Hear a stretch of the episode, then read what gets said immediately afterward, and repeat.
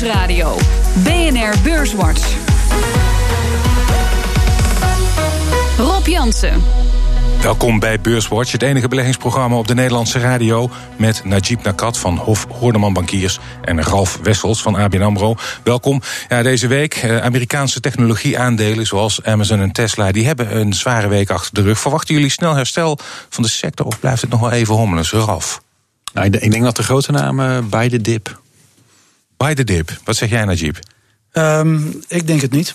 Ik denk dat de beleggers zich nu uh, uh, wat bewuster worden van de risico's van, uh, van eventueel ingrijpen van toezichthouders. En, het was de week waarin Amazon gevoelige tikken kreeg op Wall Street. Want Trump tweette zijn haat tegen het bedrijf. Haat die hij tijdens zijn campagne al uitte. Amazon is getting away with murder tax-wise. He's using the Washington Post for power so that the politicians in Washington don't tax Amazon like they should be taxed. Make sure the internet they're going to have to start paying sales tax because it's very unfair what's happening to our retailers all over the country. Maar CNBC-beurscommentator Jim Cramer maakt gehakt van Trumps tirade tegen het webbedrijf.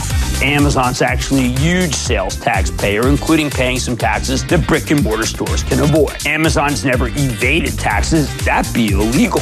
It's an incredibly profitable partner for the post office. It actually subsidizes the cost of your stamps. Sure, the company has indeed wiped out thousands of retailers, but so Walmart. En het was de week waarin Klaas Knot, president van de Nederlandse Bank, opriep de steunmaatregelen van de ECB terug te draaien. We naderen uh, de top van, uh, van de conjunctuur. En uh, ja, we moeten dus nu in het beleid ook langzamerhand de accenten gaan verschuiven van het stimuleren van de economie in de richting van het versterken van de fundamenten. Ja, en voor we verder gaan met Klaas Knot nog even. De quote onderbrak jou, uh, Nick, uh, Najib. Um, jij zegt er komt nog wel wat meer regelgeving aan voor de technologieaandelen, verwacht jij? Um, nou, ik weet niet of het eraan komt, maar de, bele de beleggers worden zich bewust van het risico. Ja. Um, want ook vanuit de, de, politiek wordt er nu steeds meer naar gekeken. Er wordt gesproken over het eventueel opsplitsen van Google vanuit Europa. Mm. Um, en dat zat uh, nog niet voldoende in de koersen verwerkt. Oké, Klaas Knot.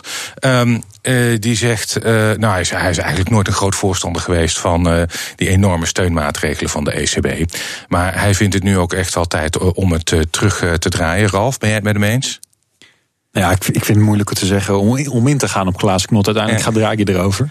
Uh, en daar uh, heeft Klaas Knot een, een stemrecht in. Ja. Uh, maar de rente wordt natuurlijk voor heel Europa bepaald en niet ja. alleen voor Nederland. Nee, dat is waar. Maar goed, hij heeft denk ik ook wel medestanders in, in zijn opvatting. Hè. Met name, ik denk dat Duitsland en de andere noordelijke landen er ook wel klaar zijn met stimulering. Wat denk jij, Najib? Ik denk dat het wel zo langzamerhand tijd is. Maar ook als je kijkt naar wat nu in de marktverwachtingen zit, uh, gaat er ook dit jaar uh, wat gebeuren. En begin volgend jaar, of in ieder geval eerste helft van volgend jaar, wordt al een eerste renteverhoging ingeprijsd. Dus dat komt er uh, zeker aan. Hmm. Yes. Ja, dat wordt ingeprijsd volgend jaar. Uh, ABN AMRO denkt dat het pas uh, voor het eerst in september gaat gebeuren. Mm. Uh, en dan nog eentje in, in, in, december. Uiteindelijk, als je ook kijkt naar de financiën van de overheden... dan zie je dat Duitsland en Nederland netjes hun schuldratio... ten opzichte van het bruto binnenlands product naar beneden gaat. Ja. Maar daar is nog niet zoveel sprake van in Frankrijk en Italië, kan ik je vertellen. Dus hoge rentes... de schuldenberg op van de wereld is hoger geworden. Dus hoge rentes kunnen niet heel hoog. Nee, maar als de uh, inflatie misschien wel gaat oplopen, dan uh, wordt toch ook wel gedacht aan uh, het verhogen van de rente. Maar de inflatie die valt nogal mee met dat oplopen. Steeds, ja. en, en, daarom heeft zeg maar, de roep om de rente omhoog te gooien. Uiteindelijk, de ECB kijkt verschrikkelijk naar de inflatie. En als die zo zwak blijft, dan krijg ik toch het gevoel dat ze het er heel rustig aan gaan doen. Hmm.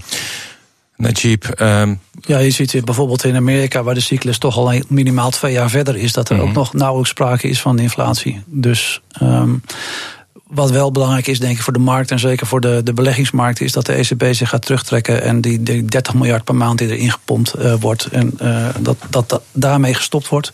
En ook dat die negatieve rente van die, die min 0,4, waar banken eigenlijk best wel veel last van hebben, dat daar ook iets aan gedaan wordt. Ja, maar, maar dat, dat zal dus niet leiden tot een structureel uh, of een flink oplopende rente op de langere termijn, verwachten jullie? Nee, zeker niet. Nou ja, dat is alles afhankelijk van de inflatieverwachtingen. Die zijn in Europa stabiel. Wat mij meer een punt van zorg is, dat um, we komen een keer aan het eind van de opgaande cyclus. Ja. En daarin zie je natuurlijk dat de uh, Federal Reserve al uh, wat verder die zal aan het manoeuvreren om straks weer munitie te hebben om iets te kunnen doen.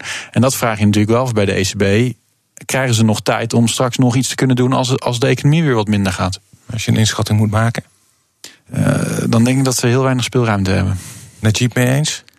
Denk het wel, inderdaad. Eh, het is, denk ik nog twee, drie jaar uh, uh, van een, een, goed draaiende economie. En tegen die tijd moet je het wel op orde hebben bij de ECB. Ja, ja dit, dit is ook. Ik, ik had het genoegen Klaas Knot gisteren te spreken. Daar kwam het quoteje ook vandaan.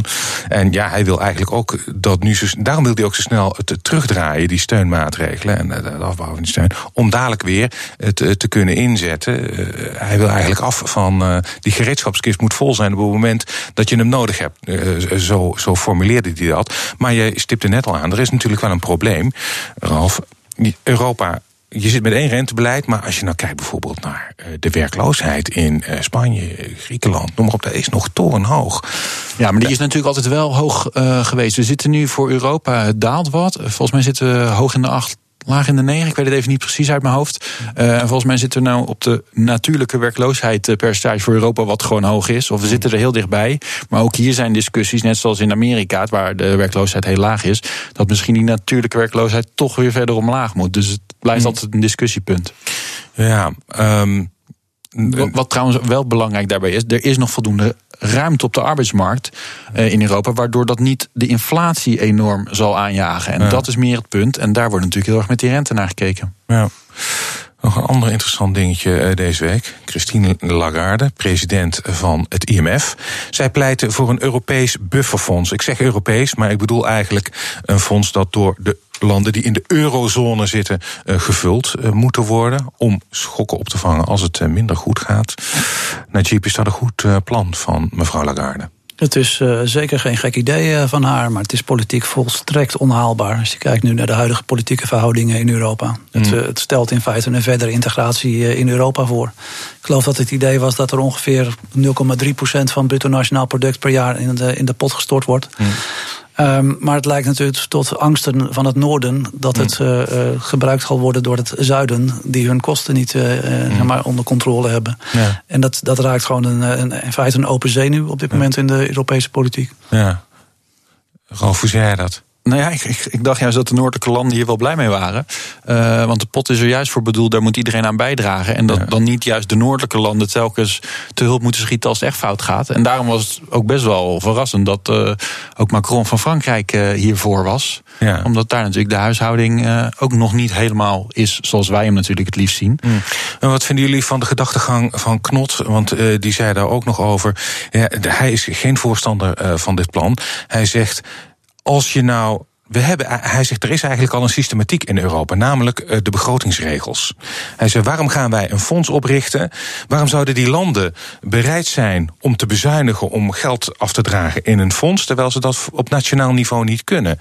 Uh, waarom zouden ze dat wel uh, solidair binnen Europa doen, uh, maar niet op nationaal niveau? Dat vind ik nog geen gekke gedachte.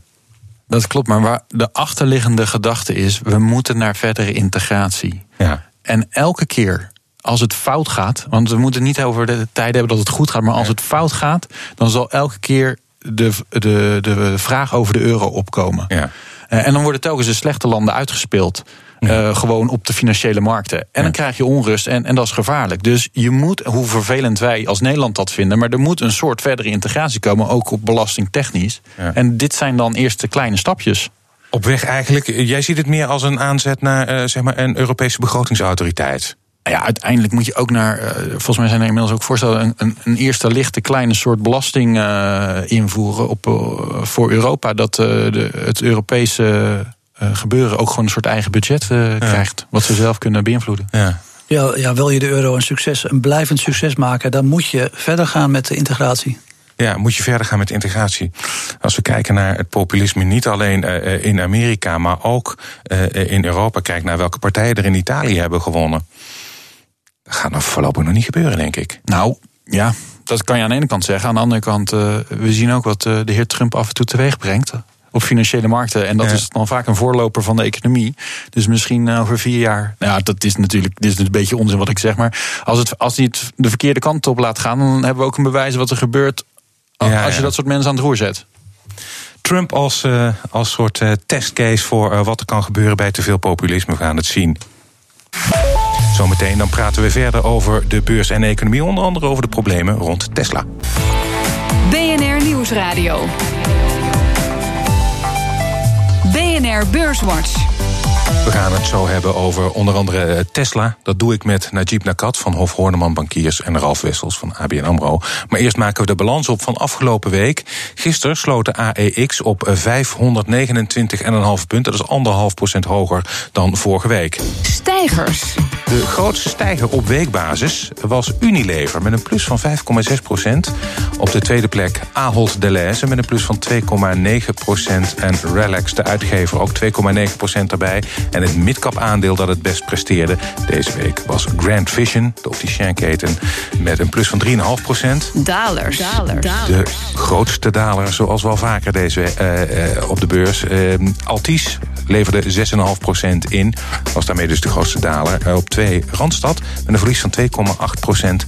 En op de derde plek Philips Lighting met een min van 2,2 procent. En in de midcap was deze week de grootste daler. Arcadis, 7,6 procent ging er vanaf. De AEX is deze week drie van de vier handelsdagen hoger gesloten. Het was dus een uh, korte uh, handelsweek. Um, Unilever, laten we even uh, bij stilstaan. Ik vond de grootste stijger. Het bedrijf was deze week in het nieuws. Omdat ze interesse zouden hebben in de divisie gezonde voeding van GlaxoSmithKline. Um, ik, uh, wat denken we? Is, is, is dat de belangrijkste driver geweest voor deze koersstijging? Nou, ik denk dat het ook te maken heeft met het feit dat de rentes uh, wel wat uh, omlaag zijn gekomen. En mm. De, de rentestijging eerder dit jaar heeft dit soort bedrijven, die toch de, de, de stabiele groeiers met goede dividendbetalingen, ja. wel geraakt. Ja. En, en, je ziet daardoor wat herstel deze week. Ja. Um, de grote klapper is wat uh, negatieve klapper deze week. Dat was uh, Arcades, 7,6. Ik zei het al, 7,6% eraf. Ralf, een van jouw collega's, uh, die verwacht een flinke afboeking op de Braziliaanse activiteiten. dat was ook de reden van tumult weer rond Arcades. Probeert zijn belang in biogascentrales te slijten, maar dat lukt nog niet erg. Um, ja, nee, maar jij, jij bent natuurlijk eens met je collega die die afwaardering heeft gegeven. Uh, Najib, ben jij ook somber over Arcades? Um, nou, ik wil niet zeggen somber, maar we snappen heel goed wat, wat de beurs deze week gedacht heeft hmm. met, met die berichten.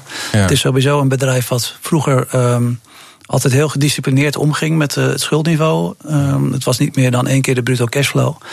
En die discipline zijn ze de laatste vijf jaar kwijtgeraakt. Ja. En um, ja, dan bij, bij tegenslag, in dit geval in Brazilië, ja. Dan uh, wordt het een beetje penibel. Ja, ze hebben nu een nieuwe topman sinds een jaar. Um, was net lekker bezig. Koers herstelde enigszins en baf, weer onderuit. Spannend of, dat, uh, uh, of hij het op de rails gaat krijgen. We zullen het zien. Wat denk jij, Ralf, dat het nog wel goed gaat komen? Nou, dat, dat hopen we. Maar de, ja, er zijn wel gewoon problemen met die balans. Maar het is eigenlijk onvoorstelbaar als je ziet hoe in een paar jaar tijd een beurslieveling ja. uh, zo kan afglijden naar uh, ja, toch gewoon echt zwaar weer. Ja. En we hebben natuurlijk in Engeland ook de afgelopen half jaar, jaar een tweetal soortgelijke bedrijven. Iets anders. Carillion en Interserve. Uh, Carillion is gewoon failliet gegaan. Ja. Grote projecten, te veel schuld. En uh, ja, we hopen natuurlijk niet dat dat hier gebeurt. En volgens mij is, is het echt niet zo erg.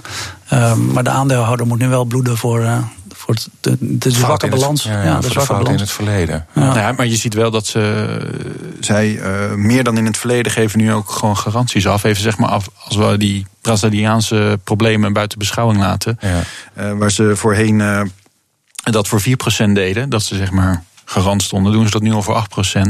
Uh, op leningen, zeg maar. Ja. ja, op leningen en dus ook uh, uh, projecten, waar ze dus eigenlijk meer naar een, een, vaste fee gaan, terwijl een variabele. Dus dan nemen ze meer risico ook op zich. Ja, dat zijn dingetjes die ja, toch wat gewoon meer risico met zich meebrengt. je geeft aan de ene kant garanties en je neemt meer risico. Dat ja. is. dat, ja, dat, dat, dat verklaart inderdaad wel enige onrust.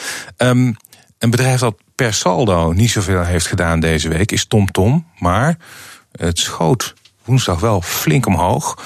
TomTom Tom, uh, zou zoeken naar een koper om het bedrijf van de beurs te halen. Of een heel groot belang te nemen in het bedrijf.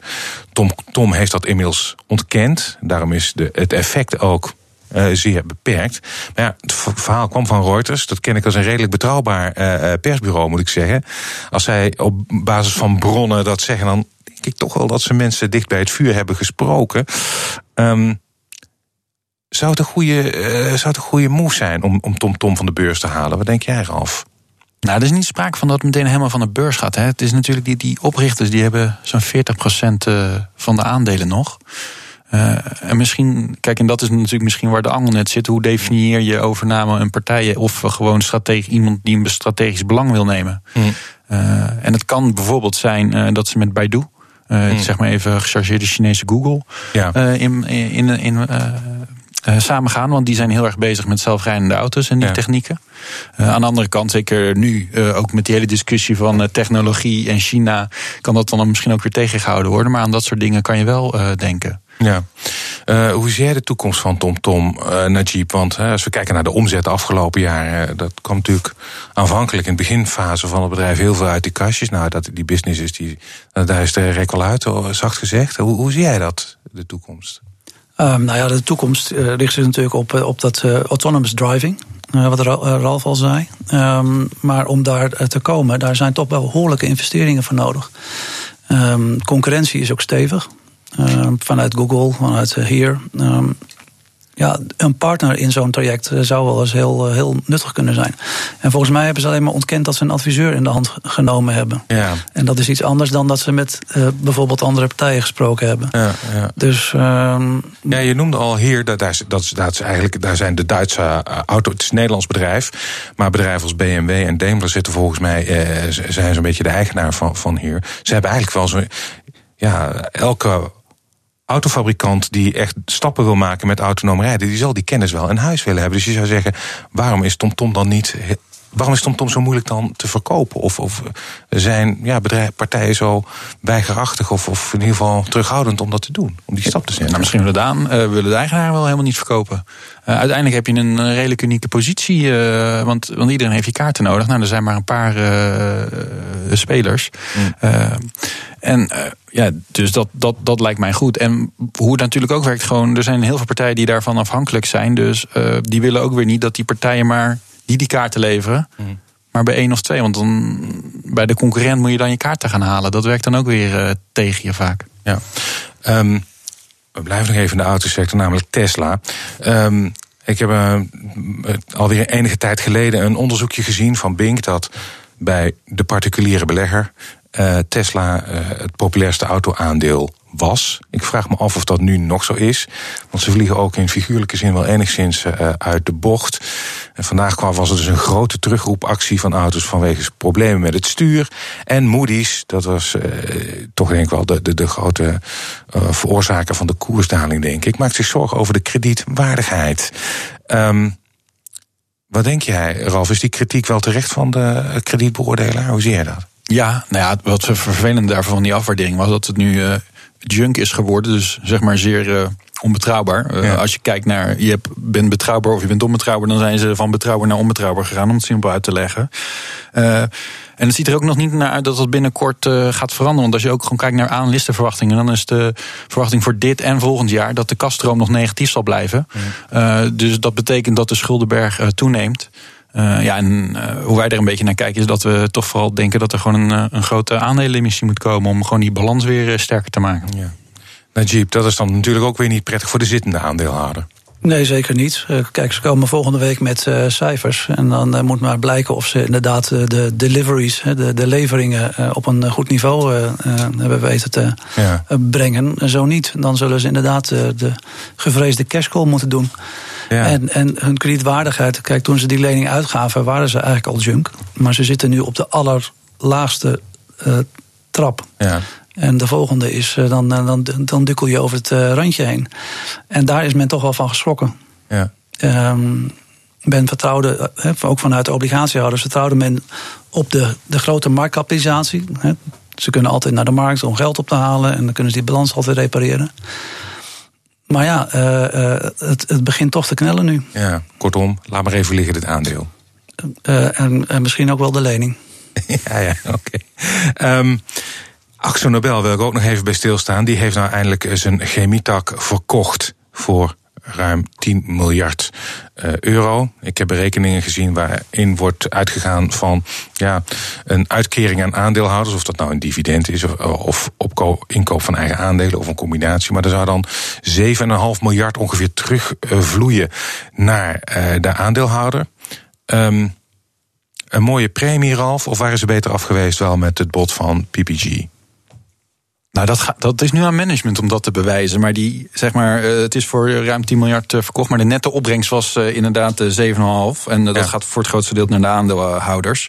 het is nu een, een, slankere organisatie die volledig gericht is op de paintings en de coatings. Ja. Dat is vooralsnog, die zitten in een moeilijke fase. Ja. Dus dat kan beter worden. Management heeft ambitieuze targets.